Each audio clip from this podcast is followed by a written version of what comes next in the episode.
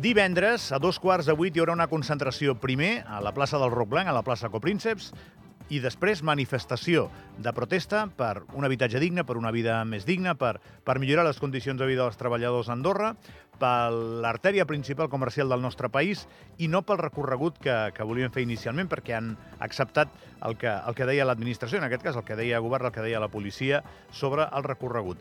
Estem a punt de saludar, saludem-nos ja, a un dels integrants de la Coordinadora per l'Habitatge, per l'Habitatge Digne, de la plataforma Denunciant també, que està organitzant tot això, el Joan Recrespo, que ja ens escolta. Joan Ra, bon dia. Hola, bon dia. Com bon estàs? dia, Gabriel. Bé, molt bé, gràcies. Vosaltres també, suposo. Estem bé, estem treballant. I Fantàstic. informant d'un tema que, que, que és molt important. Ahir em puntualitzaves, i em va semblar molt bé que ho fessis, quan vaig dir, et presento com a portaveu, i diu, portaveu no. És veritat, no ho com portaveu. No, ets integrant, No, no? soc- Que, que ens dona soc un altre cop la idea d'un moviment que no, que no és senzill identificar jeràrquicament. Exactament, perquè no tenim una jerarquia. De fet, eh, som un grup de persones que anem eh, treballant eh, pues, a mida que van sorgint les coses i que no tenim ni un líder ni un portaveu, no. Són, som un grup que treballem en funció de, de, de les situacions que anem trobant-nos cada dia, punt. Esteu molt contrariats pel fet de no poder tallar el trànsit com volíeu? Bastant, bastant. De fet, de fet, aviam, envair una carretera, això és de primer de, de, de manifestació. Dir, no és una cosa estranya que es produeixi en una manifestació. Jo no sóc una persona que estigui molt acostumada. He, he viscut alguna eh, fora d'Andorra, n'he fet alguna, he participat en alguna aquí també, però eh, no veig què és el que és estrany en, en envair una carretera eh, quan hi ha una manifestació. Potser que és el pont de la Puríssima, Joanra. Bueno, no, no, hi veig la, no hi veig el problema. No hi veig el problema. El fet de que puguem tallar la carretera que una estona, eh, això no afectarà realment greument a ningú, ni ningú deixarà de venir al país perquè es trobi en una manifestació, ni perquè tingui que fer una retenció. Vull dir, de fet, ja fan retencions per entrar al país. I per tornar cap a casa, també. Llavors no veig quin és el problema. Bueno, en faríem una, mica, en farien una mica més, això segur. Companys, si esteu Bueno, dues hores no- tallant la carretera, segur que en farien una mica més. Eh, No crec que el fet de que nosaltres passéssim per el recorregut que havíem demanat inicialment fos un problema tan greu. De fet, així ho vam reflectir a través d'un informe tècnic eh, elaborat per, per tècnics especialistes doncs que eh, realment reafirmaven doncs, que era una possibilitat viable i que no provocaria cap circumstància greu al país. Tu creus, Joan Ra, que tornarà a ser igual que ja ho han estat les dues anteriors, una manifestació sense incidents i tal? T'ho dic per la tensió que més o menys s'anuncia per aquesta coincidència amb el dia de màxima afluència turística de l'any a Andorra. A veure, tensió no tindria per què haver-n'hi.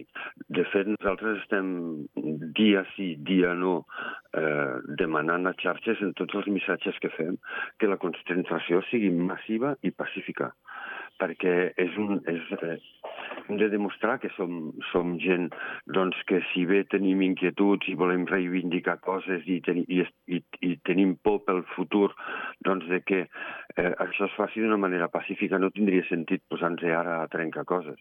De fet, desvirtuaria la nostra, la nostra demanda fer això. Eh, Joan Ramon, i a veure, avui el Diari d'Andorra fa una editorial en la que fa un repàs per més o menys tot el que ha passat darrerament amb, amb aquest moviment ciutadà. No l'he pogut llegir. Ja te la llegiràs. No, no, no és una editorial en contra... Sí, home, sí, tens temps. Eh? No, no és en contra del moviment, eh? ni molt menys, eh? però al final sí que diu que està creixent tant això, està tenint tanta entitat, encara que no tingui una identitat molt clara jeràrquica, com deien, que igual eh, se us comença a demanar concreció en les propostes. Això és el que diu aquesta editorial i potser la subscric una mica. Eh? Què et sembla? Doncs que, de fet, eh, nosaltres també estem prenent el camí d'anar-nos a fer una, un plantejament de consolidar-nos legalment. Això, en primer lloc. És a dir, que acabi sent una entitat eh, eh, jurídica. I, per una altra banda, eh, que nosaltres puguem arribar a fer unes propostes i estem treballant, perquè no, tampoc no és fàcil d'agafar i dir, bueno, eh, anem a pressionar sense tenir un, unes propostes molt clares. Est tenim ja eh, un, un seguit de, de el que podríem interpretar com reivindicacions que creiem que serien absolutament necessàries perquè es posin sobre la taula. I, de fet, ho farem, però no encara immediatament. Esperarem a, a que la, la manifestació del dia 8 estigui feta. Tu saps que quan feu una... Eh, quan, quan feu un document, algú haurà de ser el president, company, algú, algú haurà de posar-se al davant. Un dia o altre haurà de tenir una jerarquia més o menys definida, això. Per això et deia que quan tinguem aquesta situació jurídica constituïda, a partir d'aquí sí que ja podrem dir que som una entitat com a tal i amb una jerarquia i amb eh, caps visibles, portaveus, amb tot el que sigui necessari. Seràs tu? Pues no ho sé. No ho sé perquè com nosaltres eh, treballem molt des del punt de vista de eh, consensuar les, les coses i, i, i, i votar molt les coses, doncs eh, sortirà qui surti. Molt bé. no dic... sé si seré jo o no. no ho sé, no ho sé. No, t'ho dic perquè... Espero que no em donguin tanta feina, perquè és molta feina tot això. És molt, és molt cansat, eh? és que el que esteu fent és molt cansat, això és així. És molta feina, és molta feina. I, I gràcies a que tenim molta gent que col·labora, perquè hi ha molta gent que participa. Escoltem molt a la gent, de fet. A la gent del carrer l'escoltem molt. Eh, reunim informació sobre situacions que es, són les que es plantegen més, eh, les parlem entre tots, mirem a veure aviam com podem reproduir-ho a xarxes, com podem reproduir-ho a la premsa. Eh, hi ha molta gent treballant també. I ara explica'm, eh, com si fos un nen de 5 anys, per què és molt important fer això el dia que hi ha més turistes a Andorra? Per què és molt important que els turistes vegin això?